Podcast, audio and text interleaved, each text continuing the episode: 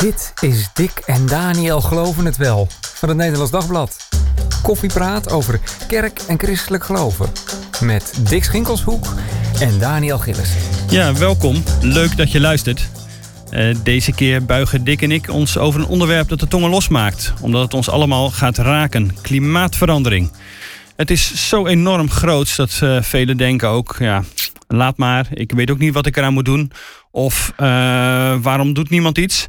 Maar ook soms wat een overdreven gedoe.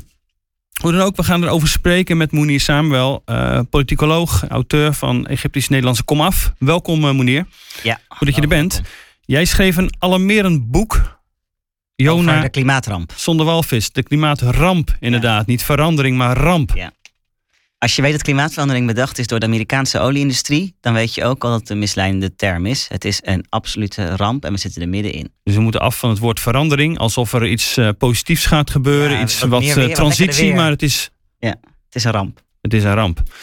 Uh, het is uitgebracht bij uitgeverij uh, Nieuw Amsterdam. En er staat onder een profetie voor Nederland. Nou, we gaan erover praten. Hè. Wat zie jij en welke kant moet het op? Um, nou ja, en een ramp, dat betekent dat er gewoon kaart ingegrepen moet worden. dat belooft ook een dynamisch proces, want je, gesprek. Want je zit er ook gepassioneerd in, Monier. strijdlustig gebruik je zelfs in het boek. Dus ze heeft je strijdlustig gemaakt, dit onderzoek. Ja, in eerste instantie niet hoor. Ik heb ook een flinke klimaatdepressie en klimaatrouw gehad. En maar het hielp. Kijk, er is één ding erger dan voelen dat, het, voelen dat het misgaat, maar daar niks mee doen. En dat is, uh, zeg maar, er is één ding erger dan, dan, dan, uh, dan zo'n boek schrijven en het mm. onderzoek doen. En dat is voelen dat het misgaat en niet weten wat. Ik heb, weet liever, ja. ik heb liever dat ik weet wat er misgaat.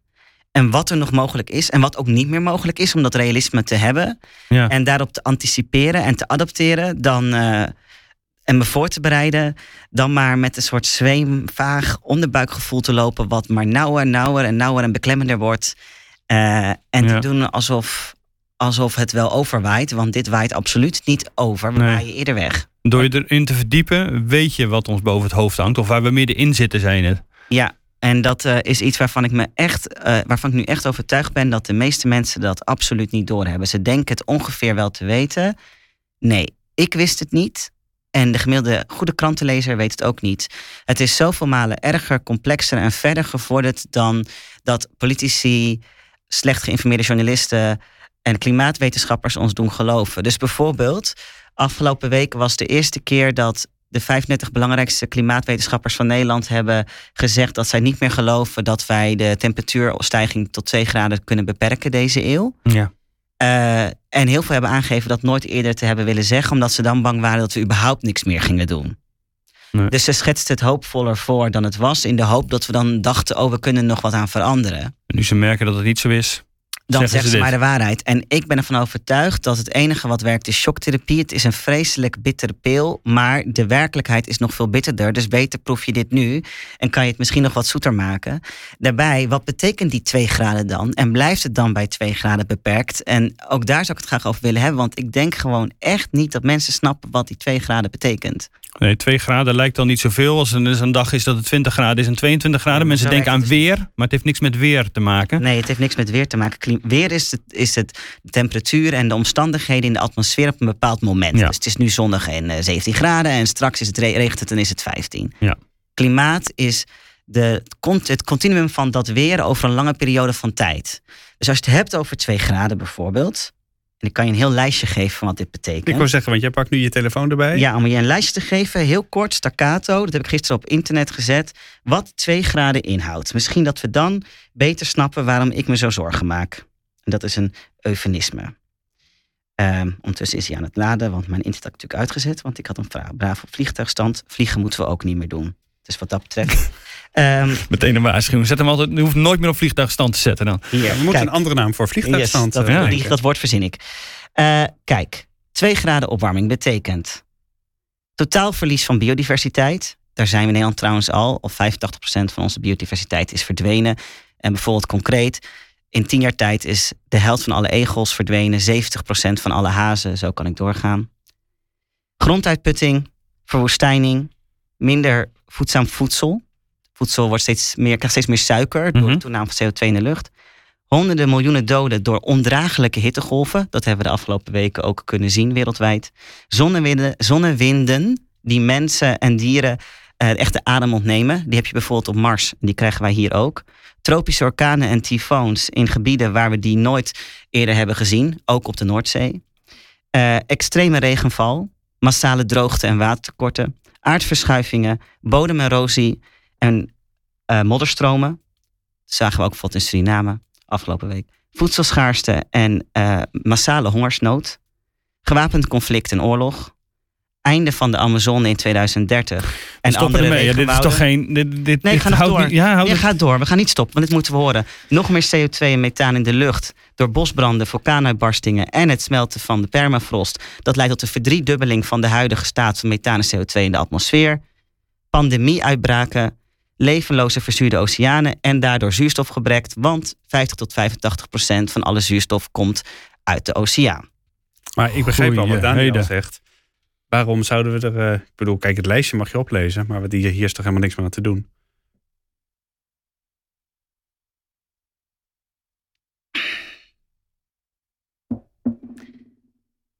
Als ik jou vertel dat je een verdacht plekje hebt dat je moet laten onderzoeken, zeg je dan: hmm, ik ga naar de arts, want ik wil inderdaad weten wat de diagnose is? Of blijf je met dat plekje rondlopen tot dat plekje groter wordt en lelijker en pijnlijker en op andere plekken opkomt en het blijkt te worden uitgezaaid en onbehandelbaar is geworden.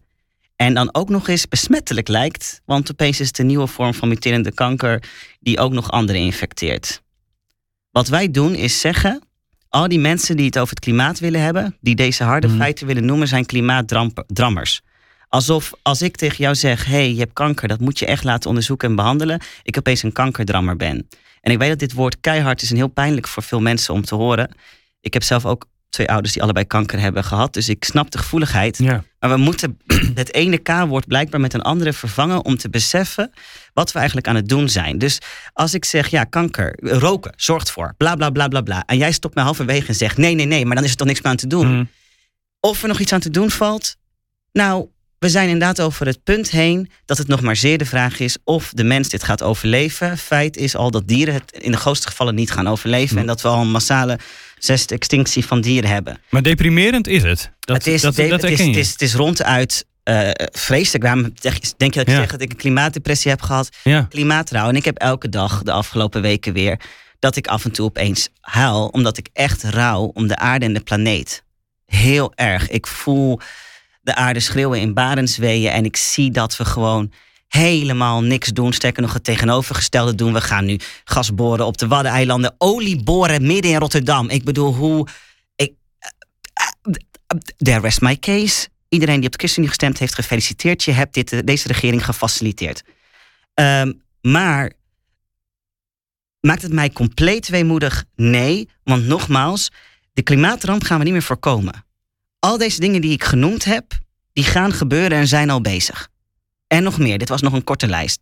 Maar de vraag is wel, gaan wij echt af op een Hunger Games eindstrijd van, van mm openbaringachtige proporties binnen enkele decennia, omdat we maar zo stom en dom doorgaan dat we echt een stelletje uh, lemmingen op de afgrond afrennen?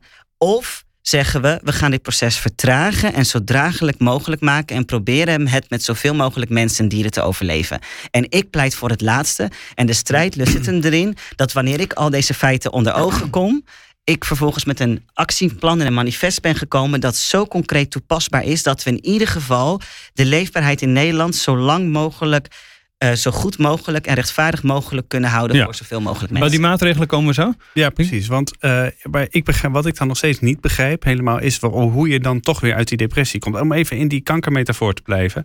Als de dokter tegen mij zegt, ja, sorry, uh, sorry meneer, u bent terminaal. U hebt nog een beperkte tijd te leven, een aantal maanden, een aantal weken.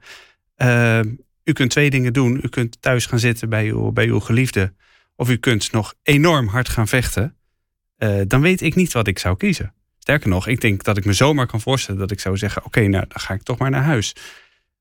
En wat ik zeg is niet het eerste, En ik zeg ook niet de tweede. Dus ik zeg, ga niet thuis zitten. En ik zeg ook niet, ga kaart tegen het onmogelijke vechten. Ik zeg, ga zoveel mogelijk van die laatste weken en maanden genieten en leven op een manier dat je nog zoveel mogelijk licht brengt en ervaart in dat- je eigen leven en dat van anderen. Maar hoe ben jij dan uit die klimaatdepressie gekomen? Nou, dat is dus interessant. Iedereen die mijn boek leest, komt in die klimaatdepressie. Ja, Oh ja, precies. Nou, vertel ons niks nieuws. Want inderdaad, dat zeggen, gebeurt. Het duurt drie maanden. Ik zei, En ik kan je precies... ik zei tegen Daniel, wat is het? Ik had het boek gelezen. Ik zei tegen Daniel, goeiedag, wat word ik hier depressief van zeg.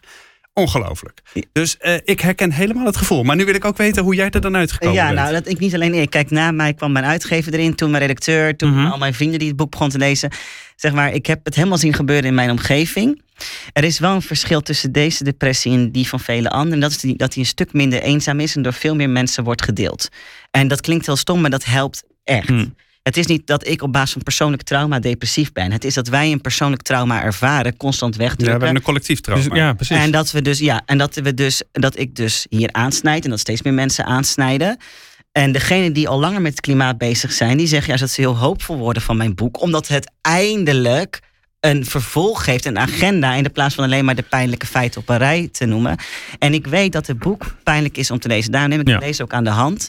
En daarom gebruik ik ook bijbelse metaforen en neem ik je mee naar Egypte en probeer ik ook op literaire manier het boek draaglijk te houden en niet een koude opsomming van Ja. feiten, hoewel die feiten ertoe doen en belangrijk zijn. En er ook absoluut in staan. Maar, En maar even vanuit inderdaad. daar, wacht Ja? toch, om toch verder te gaan op je vraag. Vanuit daar, vervolgens, werk ik ook toe niet alleen naar een actieagenda, maar ook naar een grotere geestelijke oproep. Want toen jullie vroegen, er is toch niks meer te redden of het is allemaal te laat, toen was ik even stil, omdat ik dacht, ja, de journalist in mij eh, en de politicoloog, die, die ziet op basis van het huidig menselijk gedrag en politiek beleid weinig reden tot optimisme. De gelovige in mij gelooft sowieso in eind der tijden. Dus wat dat betreft komt die er sowieso linksom of rechtsom. Maar of dat wij hem nou op deze manier moeten afdwingen, Mhm. nou liever niet. En dan denk ik aan Jona. Hè, Jonas van der Walvis. En denk ik aan Jona. En dan denk ik ook aan Jozef, de dromenkoning, zoals ik hem in eh, mijn boek ook aanhaal. En denk ik, ja, Nineveh werd wel gered.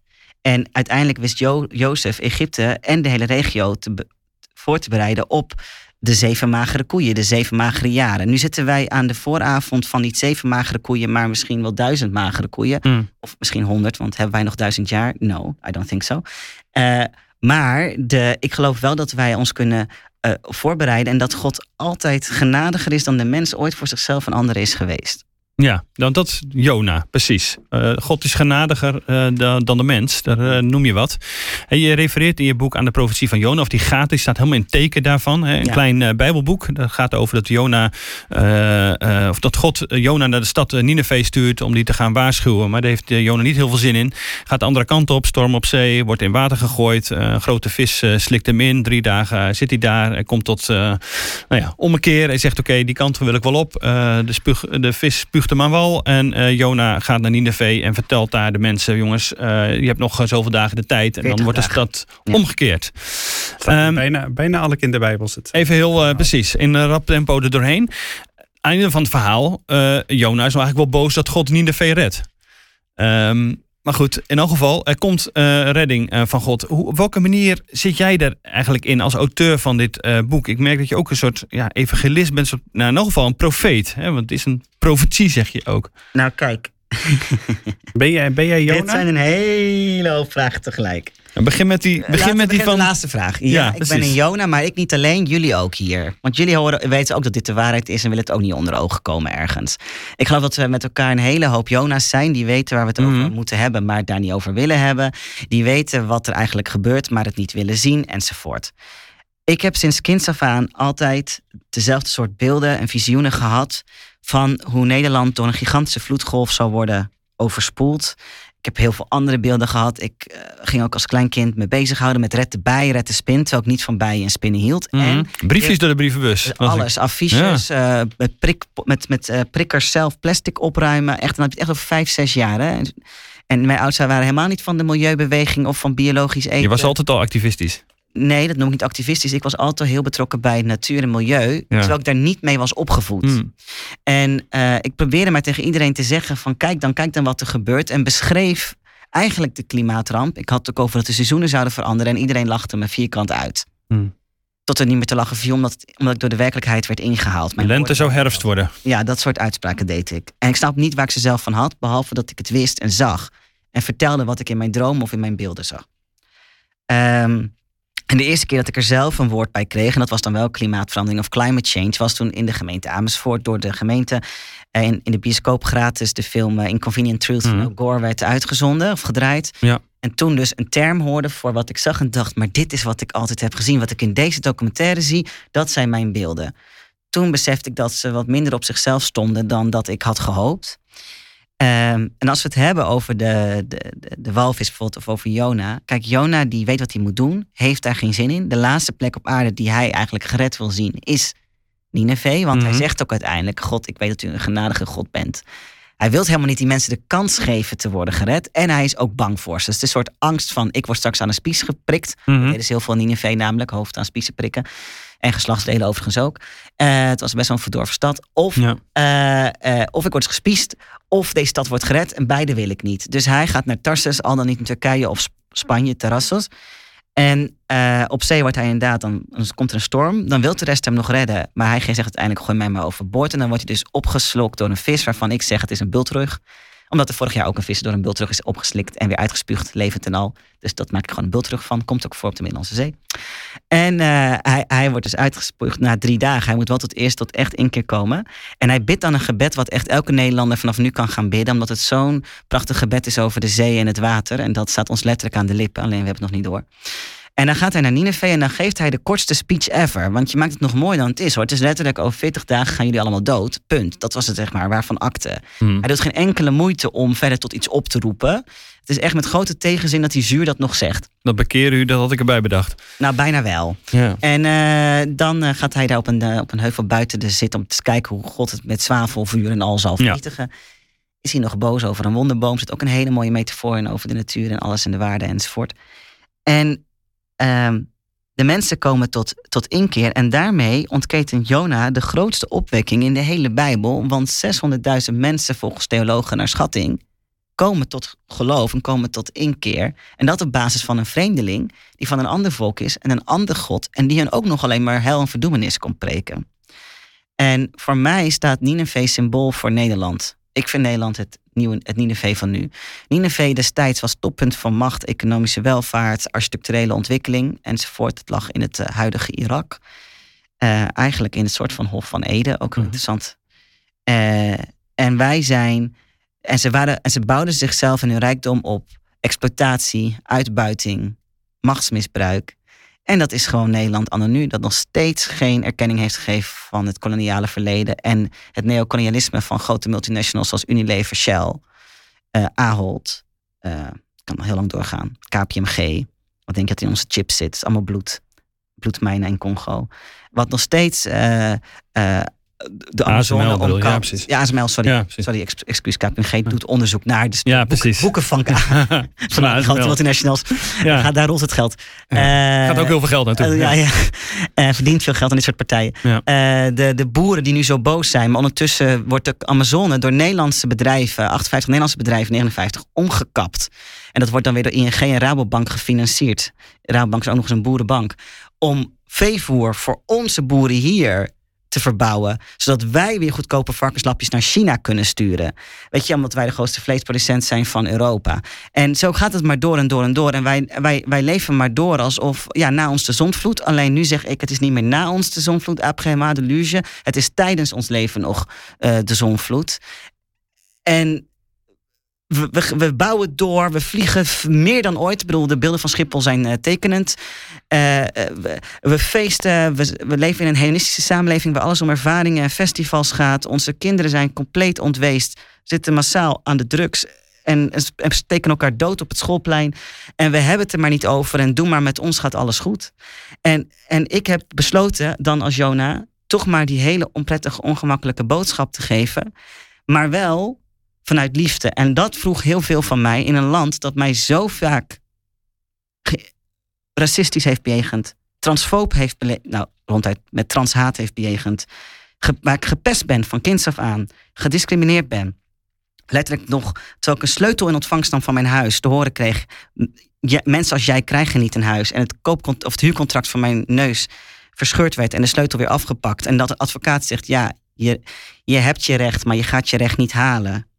Eh, en ik kan doorgaan en doorgaan en doorgaan. Wat het betekent om uh, als mij in dit land te leven met zetten identiteiten Mhm. uh, die ik heb. Om uitgekotst te worden door christelijk Nederland, omdat ik niet pas in het plaatje wat jullie hebben van Gods schepping. En zo kan ik doorgaan en doorgaan en doorgaan.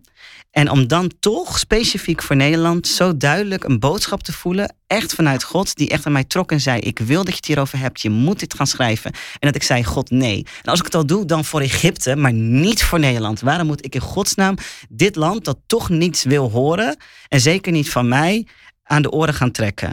En het was echt. Um, in het opnieuw leren houden van Nederland, want er is één emotie sterker dan woede, en dat is liefde, uh, dat ik dit boek schreef. Dus met alle pijn die erin zit, en alle angst en alle zorgen, en alle woede over wat ons land uithaalt. Want iedereen die denkt dat Nederland een kleine speler is in de klimaatramp, lees het boek, dan ben je daarvan genezen. Uh, is het toch ook de liefde voor dit land en mijn zorg dat we het letterlijk voor 2050 gewoon voor de helft of driekwart onder water zien staan. Ja, dus de, de parallel met Nineveh is uh, in Nederland is het uh, ook nogal een, een zootje. En wat ons boven het hoofd hangt of waar we middenin zitten, is die ramp. Dat is de, Ja, de parallel met Jona en Nineveh. Ja, en dan om niet als een boze Jona te kijken van god, waar Nee, precies. deze mensen Nee, nou? hoe- armen over elkaar. Hoe, hoe krijg je dat dan voor elkaar? Ik bedoel, wat was dan jouw walvis? Zeg maar. ik bedoel, Oh. want je had natuurlijk ook kunnen denken, ja, gunst, laat, laat, laat Nederland dan stikken. Weet je, zoals Jona dat dacht bij Nineveh. eh, kom op, stort, maar- stort dan lekker in elkaar met z'n allen. Alleen Jona die leefde voor Christus, althans in de zin van dat Christus nog niet op aarde was geweest en ik leef daarna. Dus ik heb toch de liefde van Christus ook voor Nederland op te brengen. Christus is jouw walvis. Nee, dat was mijn redding. Eh, de walvis in die maag voelde niet echt als een redding. Dat voelde meer als een hele donkere periode. Ehm, in 2010, 2011, toen mijn journalistieke carrière en correspondentschap begon, begon ik ook massaal te reizen en dus bij te dragen aan de klimaatramp. Daar ben ik me van bewust. Voor de Groene Amsterdammer. En heb ik ongeveer 60 landen bezocht.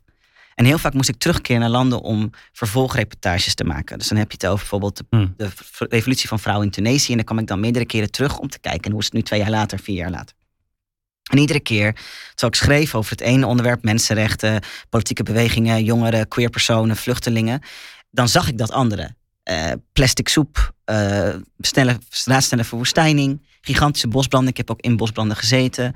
Orkanen, ik heb in orkanen gezeten. Dat is denk ik ook een verschil. Bijna alles waarover ik in een boek schrijf, heb ik beleefd. Ik weet hoe honger voelt. Ik weet hoe oorlog ruikt, eruit ziet. Eh, hoe het is als kogels langs je oren vliegen. Ik weet hoe het is om in midden in een bosbrand te zitten en niet te weten of je het overleeft. Hoe het is om een tyfoon mee te maken. En ik denk echt dat dat het toch anders maakt, ook als je erover schrijft, dan dat je alleen maar die, die woorden leest, maar er eigenlijk geen connotatie bij hebt.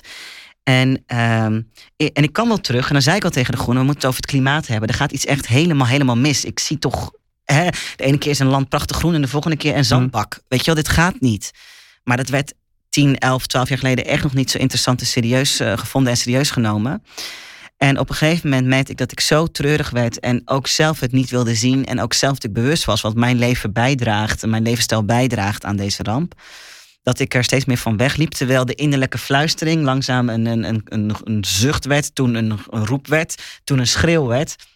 En ik maar wegdrukken, wegdrukken, wegdrukken. Alleen het feit is dat je Ja, dus die storm was er, maar je drukt hem nog even. ja, je probeert hem niet. Je probeert te denken, ik slaap nog ergens in die boot en doe Ja, alsof er niks ja. aan de hand Ja. is. En uiteindelijk merkte ik gewoon dat eh, God me echt bij mijn kladden pakte. Dus vorig jaar zomer had ik een moment. Ik kon die, ik kon, allereerst, ik ging dus ook die beelden steeds wegdrukken die ik maar bleef zien, die steeds concreter werden. Van die, eh, van die Van alles Van die wat, vloed, wat ons die, te eh, wachten, ja. vloed, maar veel meer, wat ons wereldwijd te wachten staat. En toen afgelopen zomer was het moment dat ik op het balkon stond. En het was vorig jaar een hele slechte zomer en een eindeloze herfst in de lente. En ik stond daar en ik zag mensen op een bootje, nog een soort van feest. En ik keek ernaar en ik dacht, we zijn echt zo verloren. God, oké, ik stop met verzetten, hier ben ik. En toen kwam eigenlijk een soort download aan beelden, maar ook aan die, dat hele, die hele agenda. Dus als mensen mij vragen, hoe kom je aan al die plannen die je mhm. opgeschreven hebt per sector ook, hè? onderwijs, waterwerken, eh, huisvesting, energieleveranties. Ik kan je letterlijk zeggen, ik, ik, ik stond buiten en opeens kwam er een soort windvlaag over mij. En ik heb mijn telefoon gepakt, de audio recorder aangezet en blablabla. En al die voorstellen kwamen in één keer bam zo binnen. Ik heb er niet over nagedacht. Ik heb niet met experts overlegd. Het was er gewoon top-down.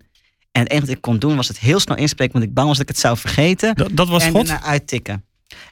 Ik durf te zeggen dat dat God was.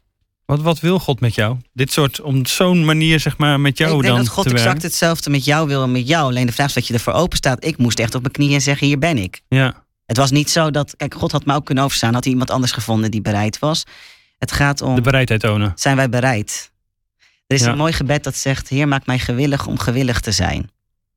En wat mijn, mijn, ik heb jarenlang geworsteld in, eh, constant in drama driehoeken en vreselijk slechte en ongezonde relaties gezeten. En alles om maar te vluchten, om me maar af te leiden eh, van, eh, van wat ik eigenlijk wist wat me te wachten staat. Niet dat ik niet werkte en ook niet geen belangrijke dingen deed. Ik denk het wel en alles zijn ook bouwsteentjes. Maar Mhm. ik stond niet open om dit verhaal te, echt onder de ogen te komen. Laat staan eh, te gaan delen. En nu denken mensen, ja, nu vind je jezelf heel groot en belangrijk. Nee hoor, ik geloof echt dat God tot ieder van ons wilt spreken en spreekt. Alleen dat wij heel vaak onze oren dicht doen en na na na na na na, na zeggen, omdat het te confronterend is. Hm. Eh, en ik merk het ook, want sinds het boek verschenen is, krijg ik iedere dag brieven, mails, berichten van mensen die zeggen: Ik heb exact dezelfde beelden als jij. Ik zie exact dezelfde dromen. En ik weet niet, niemand wil mij horen.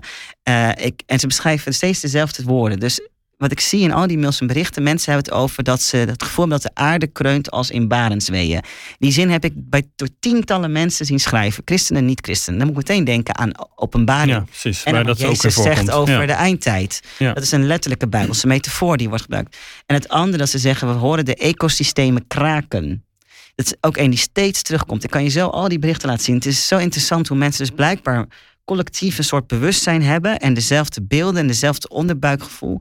Alleen, we weten volgens niet hoe daarnaar te handelen. Wat doe je nou? En dan voel je inderdaad lam geslagen, want een beter milieu begint niet bij onszelf. En daarom heb ik ook deze agenda geïntroduceerd. Want wat doet Nineveh? De koning stapt af van zijn troon. Nou, het eerste wat zou moeten gebeuren is dat dit kabinet aftreedt. Ze hebben elk moreel-ethisch leiderschap verloren. Zij, zij doen aan boetedoening. Dit land moet echt excuses leren maken over hele, hele git, grauwe pagina's in de geschiedenis. Zeg je de week nadat eh excuses is gemaakt aan Dutchbed over Srebrenica. Ja. Zijn dat soort dingen bedoel je? Of bedoel je nog? ja, maar dan denk ik nog niet veel aan meer? onze witte militairen in Srebrenica die het zwaar hebben gehad. Maar misschien meer voor de mensen in Srebrenica zelf die voor eeuwig en altijd zonder vader zitten en man. Mhm. Of het koloniaal verleden, of het slavernijverleden, of de gevolgen van institutioneel racisme, of wat de Belastingdienst heeft gedaan, hoe ze nog steeds die ouders hun kind niet terug hebben en niet terug gaan krijgen, is nu bekendgemaakt. Heb je het over, over meer dan duizend kinderen, nu, anno nu, die hun ouders niet kennen, die zonder ouders zijn opgevoed en de ouders mogen Er is ontzettend veel excuses ja, over te maken. te maken. En dat heeft te maken met systemen. Hè? Ik heb het Ja. niet over een enkele fout hier Nee, en daar. precies. Ja. Eh, van, oh, de postbode bracht ongeluk de post verkeerd. Nee, ik heb het over een postbode die bewust de post overslaat bij bepaalde mensen, bijvoorbeeld. Eh, en, eh, en vervolgens wordt er opgeroepen tot een collectief vasten. Dus de hele stad en alle dieren gaan vasten. Al het vee althans. Nou, dat betekent krimp van de veestapel. Lijkt me een heel goed idee. Het betekent ook consuminderen, feitelijk. Eh, Mhm. Ja, het consuminderen is het, is het moderne vaste. Die het vertaling moderne maak je ook in je ja, boek. Ja, precies. En tenslotte, het derde, en daar komen we echt niet onderuit, is dat zij massaal gaan bidden. En ik denk dat het belangrijkste is, als je echt kijkt, de klimaatramp is net zoals alle andere grote problemen van deze tijd een direct gevolg van onze complete geestelijke armoede. Het is een spirituele ramp. Het is een spirituele crisis of ramp die leidt tot al die excessen. Hoe zit, dat dan, hoe zit dat dan concreet? Omdat we God vergeten zijn, zijn, we, Omdat zijn we wij- zijn wereld vergeten? Zo Nee, omdat wij compleet uit contact zijn gegaan met de schepper en met de schepping. En daarmee ook met de schepping in onszelf. Dus we zijn collectief afgestompt. De hele dag verslaafd social media. Of bezig met eh, Netflix. Of werken, werken, werken als je workaholics. Of nog maar drie wijntjes op de avond om even de erts eraf te krijgen. Of aan de pillen en aan het volgende festival aan het hoppen. Of op Grindr en Tinder ons kapot aan het daten, seksdaten basically. Alles om niet te voelen, om niet te zijn, om niet stil te zijn. In ons Nederland is ook eigenlijk geen plek meer waar je stilte hebt. Echt doodse stilte. Om dan Psalm 46 te, te zeggen, wees stil en daar is God, hier ben ik God. Dus die driehoek Je zegt, je zegt trouwens heel erg veel, hè? Je haalt ook heel erg veel. Dat, Ja, nou, dan mag de elkaar luisteraar het nog een keer luisteren. dat, of lees mijn boek heel rustig, zin voor zin. Er is, Maar, maar wat, ik, wat ik bedoel is, dat heeft allemaal in jouw optiek met elkaar te maken. Ja. Dus, dus eh, wat is het? eh, me- mensen die niet meer in God geloven, de, de klimaatramp, het ontbreken van stilte, sociale mediaverslaving. het is allemaal elkaar gelinkt. Het is één samenhang. Ja. Ja. Het is één grote kluwe die het als gevolg van die verstoorde drie-eenheid tussen de schepper, als je het even veel- helemaal Mhm. mensen helemaal wat versimpelen, dit is wat er aan de hand is. We hebben geen relatie meer met de schepper, God.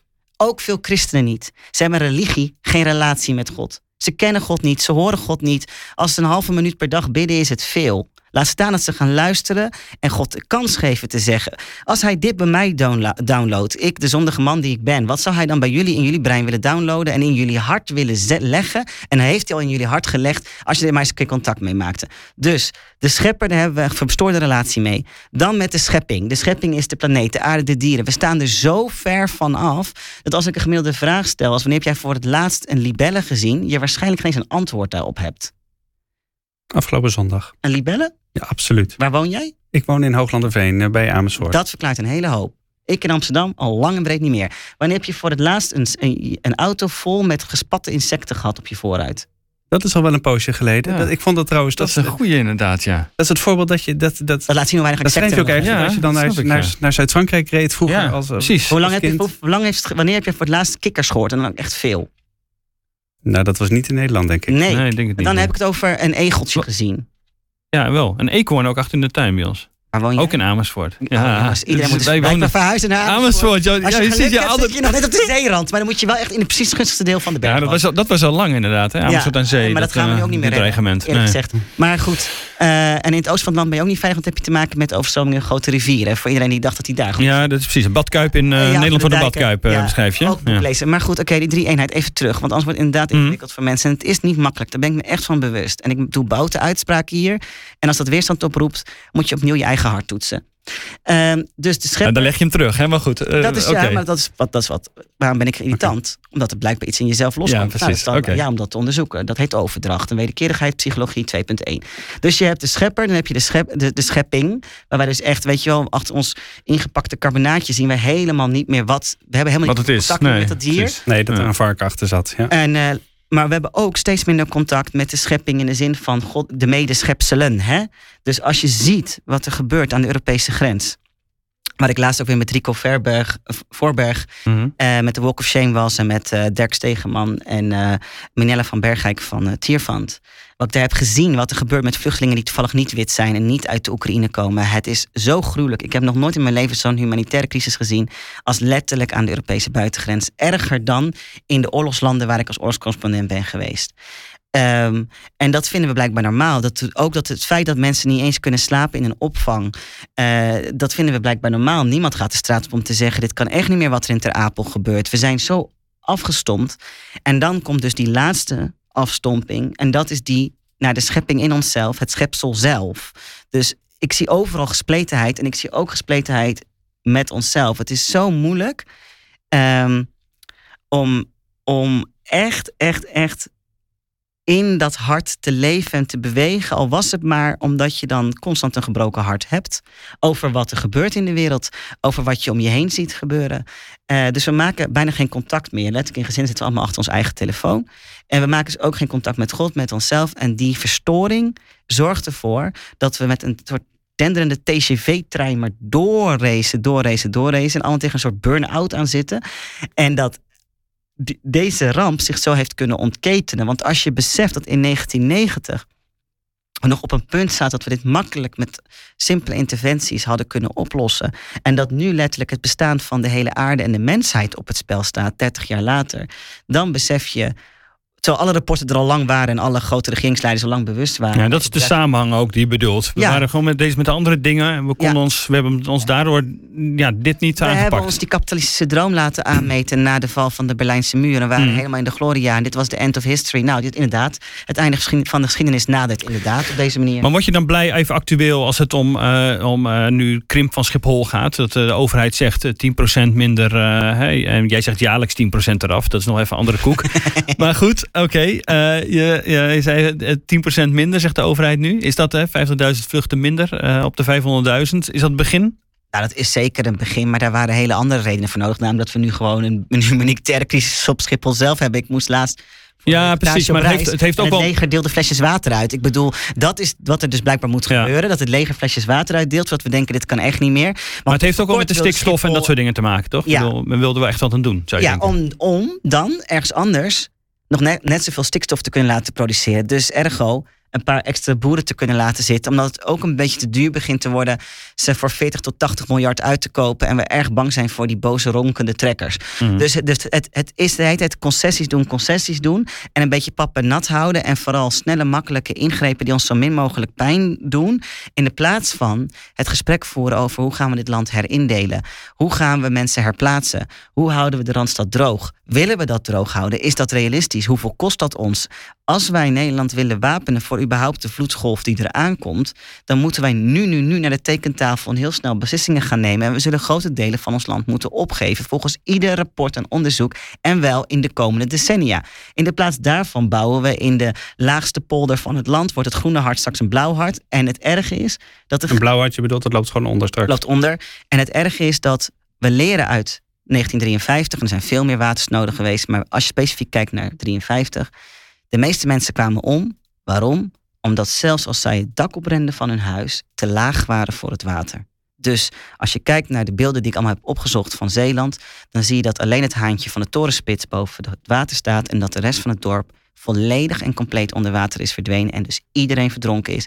En dat zal ook gebeuren met de mensen in Gouda, met de mensen in Rotterdam. Tenzij je op, in die hele hoge flats woont, kan je letterlijk je dak oprennen en je overleeft het niet. Eh, dat is ook de reden waarom ik het over vloedtrappen heb en over allerlei andere zaken. En dit is het gesprek en de ernst en de... Ik weet dat mensen nu hun haren op hun rug overeind staat. Dat we moeten voeren, omdat anders het te laat is... en we hetzelfde meemaken als bij de watersnoodramp. Er is tientallen jaren gewaarschuwd door de beste ingenieurs van het land. En de deltawerken waren al uitgetekend. En we deden het niet tot alles volledig onder water stond. En, en toen stierven er veel mensen. Maar nu staat het leven van meer dan 11 miljoen Nederlanders in direct gevaar. En ik ga niet slapen zonder dat tenminste te hebben gezegd. Ja. Ja, precies, want die, die zitten allemaal op die lager gelegen, die wonen allemaal in die lager gelegen delen. Ja, Als we dan even gewoon op Nederland houden, je hebt een groot deel van je boek besteed je aan eh, hele concrete voorstellen in Nederland. in voor Nederland. We zouden dit moeten doen, dat moeten doen, dat moeten doen. En dat, dat gaat over alles, alle sectoren zo, zo door. Dat is bijna een heel opsommerig deel van je boek, zou je, zou je, kunnen, zou je kunnen zeggen. Ehm, en tegelijkertijd, als ik het lees, denk ik ook, ja, maar goh, ik weet helemaal niet, wil ik wel in zo'n wereld eh, leven? Hè? We worden daarin. Ik word er ook een niet echt soort- heel gelukkig van. Nee, nou ja, bedoel, een soort bijna. eh, er moet volgens mij per se een hele almachtige en autocratische overheid nodig om dat allemaal voor elkaar te krijgen. Want dat zijn draconische maatregelen die je voorstelt. Of je democratiseren het door het Nationaal Actiecomité Klimaat op te zetten. Nou ja, goed, oké, hoe, je het, hoe, je het, hoe je het allemaal noemt, maar autocratisch moet het. Eh, ik moest Het moet wel een gestuurd beetje, worden, ja. Ik moest dan een beetje aan de Sovjet-Unie denken toen ik dat, eh, toen ik dat allemaal las. Het eh, probleem is dat eh, wanneer er een ramp uitbreekt en je hebt een democratisch poldermodel zoals in Nederland, je zo lang kan polderen dat er geen polder meer is. Ik vind mijn maatregelen helemaal niet leuk. Ik zou ze ook echt wel draconisch willen noemen. Maar als je het boek leest en alle feiten op een rij hebt, dan snap je wel waar ik, waarom ik het toe kom. Dan is het niet meer de vraag, kunnen we nog wel een beetje vis eten? Nee, dan is de conclusie echt, we kunnen geen vis meer eten. Hmm. Eh, dat, dat beeld van die walvis bleek ook bijzonder toepasselijk te zijn wat dat betreft. Of dan denk je niet, oh, ik ga af en toe nog wel vlees eten. En dan denk je, nee, dat vlees moet gewoon nu stoppen. Het is heel erg voor elke boer. Maar eh, we hebben ander voedsel nodig, gelukkig. Dus je kan steeds boer blijven, alleen niet met dit. Oké, maar ik, En- ben- en- maar je en- bent, en overheid- helemaal met je analyse eens. Maar volgens mij gaat je oplossing gewoon niet werken. Dan is er überhaupt helemaal niks meer te willen, toch? Nou ja, dat is dus mijn vraag aan jou. Wat is er dan nog? Ik denk dat als mensen dit boek lezen, de meesten zeggen: Ik wil in ieder geval de helft van de maatregelen wel. Dat is echt een begin. Ik ga er echt niet vanuit dat ze allemaal worden uitgevoerd. Ik zeg ook niet dat we ze moeten uitvoeren. Ik zeg: Dit is een aanzet waarvan ik Mhm. vind dat de Nationaal Actiecomité Klimaat, waarin dus alle lagen van de bevolking en alle vormen van experts, sectoren en disciplines in verwerkt zijn. Juist om dat autocratische, di- dictatoriale overheidsidee te, te, te vermijden. Als een gigantisch onderlegd volksberaad, dat die daarover moet beslissen. Die moet een nieuwe kaart van Nederland gaan tekenen. Het punt is namelijk, als je die keuzes nu niet maakt, ook al zijn ze heel pijnlijk, dat je straks überhaupt geen keuze meer hebt. Dus ik heb liever dat we proberen te kijken, oké, kunnen we een paar van deze maatregelen misschien afzwakken of in een andere vorm doen? Het is alleen maar aanzet. Eh, want hoe langer je niks doet, hoe extremer de maatregel ook wordt. Ja. Dus nu zeg ik bijvoorbeeld. Ja, het is precies. Het wordt er niet beter van. Ja, ik zeg nu niet, ik verbied niet. Dus bijvoorbeeld, er komt geen algeheel verbod op vlees en vis. Maar het is niet, het is nog een soort van Er zit nog een soort van Hmm. ruimte in. Maar als je op een gegeven moment op een punt bent beland dat je eigenlijk geen zuurstof meer in de lucht hebt, ja, dan, dan, heb je het over, dan gaat het letterlijk over wie krijgt wel en niet een zuurstoffles. Dan krijg je hele andere enge scenario's. Als je op een gegeven moment in Italië zag dat ze moesten beslissen wie wordt wel nog, krijgt wel een bed tijdens het toppunt van de coronapiek Ja. en wie niet. Eh, dus ja, gaan ze werken? Nou, zolang mensen het probleem ontkennen of zeggen de overheid doet wel genoeg, dan gaat het niet werken, dan gaan we het niet doen. En dan kom je uiteindelijk in een scenario dat je überhaupt deze keuzes helemaal niet meer hoeft te Maar maken. waarom, waarom eh, want ik merk eigenlijk aan, eh, aan al die voorstellen dat je heel erg rekent op de overheid die ingrijpt. Dat is ook de parallel die je met de, de koning van Nineveh maakt. Die Mhm. koning die stapt van zijn troon af, die gaat wat doen. Ja, je kan als, Eh, als losse maar- burger geen dijk gaan aanleggen, snap je? Dat is een beetje het probleem. Nou, maar misschien, misschien moet je wel veel meer verwachten van, van innovatie, van start-ups, van, die, die, met, die met oplossingen komen. Ik bedoel, nee, maar Laat waarom- de markt het oplossen, hè? Als je Ah, mijn ja? boek leest, snap je waarom dat hem niet helemaal Nee, wordt. maar, maar is het niet net zo goed zo dat de overheid het ook niet gaat oplossen? Nou, dat hangt vanaf wat we stemmen. Het hangt vanaf of dat wij zelf gaan eh, kritieke massa creëren in deze samenleving en echt gaan oproepen tot het manifest. Stel je voor, je had gisteren niet die klimaatmars, eh, waarbij allemaal mensen met een eigen agenda komen, maar er is één duidelijke gemeenschappelijke agenda en mensen gaan daarop pushen, pushen, pushen. Dan hey, moet de overheid op een gegeven moment wel volgen, zodat ze nu ook onder publieke druk voor het eerst beginnen te tornen aan eh, Schiphol, want dat was tot een paar maanden geleden ondenkbaar. Toen mocht Schiphol nog uitbreiden.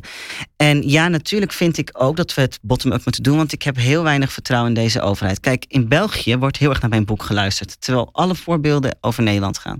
Dus ik spreek deze zomer de minister van eh, Energie en Klimaat. En ben gevraagd allemaal politieke denkgroepen te helpen om België adaptief te maken voor de klimaatramp. Zij nemen dat honderd keer serieuzer dan dit land. Waarin ook jullie nu bijdragen aan deze teneur. Nou, nou, ja maar. En het gaat toch niet werken?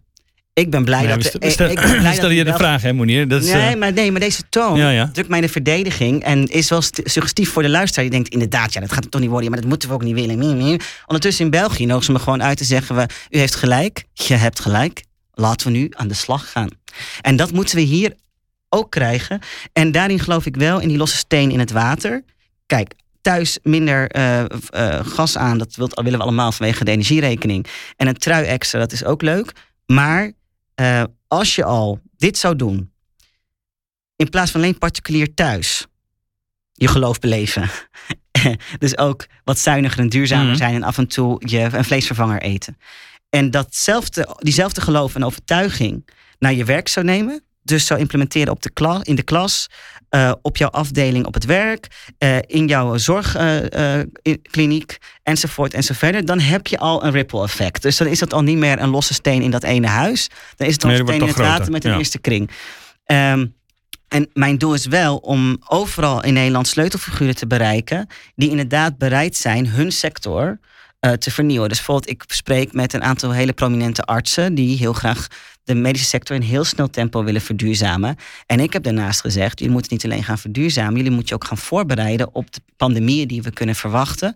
En op de, eh, de, de gevolgen van extreme rampen, alleen al door extreem weer, die we de komende decennia gaan zien. Daar moeten zorg op gaan anticiperen.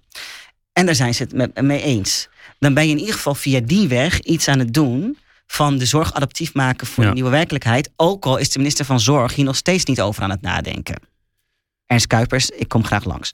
Kijk. En, eh, en, zo, en zo, dat is wel de, de, de, de- En daarom is het ook zo concreet. Ook eh, wat ik schrijf over onderwijs, dat kan elke docent kan daarmee aan de slag. Maar uiteindelijk, als het gaat om de echte herindeling van Nederland, dan moet dat gebeuren met een Nationaal Actiecomité Klimaat, die binnen het advies brengt. Want geen regering, geen politieke partij durft te zeggen: mensen, sorry, Zeeland, we gaan het niet redden. De, de deltawerken kunnen 40 centimeter aan. We zitten al op 25 centimeter. De temperatuur gaat, de stijging gaat veel harder dan we dachten. De zeewaterspiegelstijging ook. Die 15 centimeter hebben we op deze manier binnen 10, 15, 20 jaar gered. Want daar hebben we het over. Hè? We moeten Zeeland gaan, eh, gaan ontruimen. Volgens Deltaris-rapporten wel. En ik ben toch niet intelligenter dan het Deltaris-rapport. Nog even, tot slot. Want dit is, deze ramp is inderdaad zo groot dat je er natuurlijk heel lang over kunt, en concreet eh, lang over kunt praten. Daarvoor inderdaad eh, mensen je boek lezen. Om ook al die maatregelen te zien die je daarin eh, voorstelt. Eh, En wat kun je als, uit te rollen, echt waar. ja, wat kun je als, als christen hier nog specifiek aan bijdragen, vind jij? Wat, wat, waar roep jij christenen toe op? Kijk, ik geloof niet in revolutie. Daarvan heb ik genoeg in de wereld gezien en erover geschreven om daar niet zo'n grote fan van te zijn. Hoewel het soms essentieel is. Ik ben ook niet van een revolte. Dat levert meestal mooie mediakoppen op, maar weinig bestendigheid. Ik ben voor een revival, voor een opwekking. En ik voorzie dat we een hele grote revival gaan beleven in Nederland. Als een soort laatste opwekking voor het einde er echt is. En Dan- ik zie daar dan- vele Dan tekenen komt van. het uit, de- uit de mensen zelf, uit hun, uit hun hart, zeg maar. Dat is wat je dat gaat ze zien. eindelijk eh, God, dat, dat die scheiding tussen God, de schepper, en ons wordt opgeheven. In ieder geval in de harten van velen. En ik geloof dat wanneer we echt vol van Gods geest zijn, dan hou je van iedere graspriet, van ieder kikkertje, van ieder medemens, ongeacht diens kleur of afkomst of geaardheid of wat dan ook. Omdat je daar een verlengde ziet van Gods scheppende liefdevolle kracht. Ik ben helemaal opnieuw van de aarde gaan houden. Als dit boek iets met mij gedaan heeft, is dat ik een diepe, diepe fascinatie heb gekregen voor de meest simpele, elementaire dingen. Ik kijk heel anders naar de lucht nu, naar vogels, naar, naar eh, bomen. Het is inderdaad alsof je terminaal bent en opeens veel bewuster leeft. Hè? Eh, ook toen ik ooit slechtziend werd, toen ben ik veel bewuster gaan kijken. Dus hoewel ik maar 8% Mhm. zie, kijk ik heel bewust en probeer ik zo goed mogelijk datgene te zien wat er te zien valt. En dat heb ik dus ook eh, nu. En ik geloof dat we dat collectief nodig hebben. Die verwondering, dat ontzag voor God. En vanuit die liefde van God dus echt, echt oproepen, handelen, bewegen, eh, doorgaan en offers brengen. Want als je heel van iemand houdt, dan ben je ook bereid tot offers die waarvan je nooit had gedacht dat je ze kon maken. Dus bijvoorbeeld voor mij om veganist te worden, ik dacht, ik hou zo van vlees, ik ben ook nog een Arabier, hoe kan ik zonder mijn kofte en mijn kebab? Hmm. Nou, eerlijk, ik mis het helemaal voor geen meter. Het kostte me 21 dagen en dat vergeten we ook vaak. Hoe snel en makkelijk we aan kunnen passen. Alleen je moet even beginnen. Je moet over die Je moet een setje heen. hebben. Ja. En als we dat setje met z'n allen doen, wordt het een stuk draaglijker. Dank Monier. Dank voor je boek. Dank voor je gepassioneerde uitleg eh, eh, daar, eh, daarover. Wil je hier meer over lezen? Wil je weten wat voor maatregelen Monier allemaal voorstelt? Koop zijn boek Jonas zonder walvis, uitgegeven door Nieuw Amsterdam. Bedankt voor het luisteren. Tot volgende week.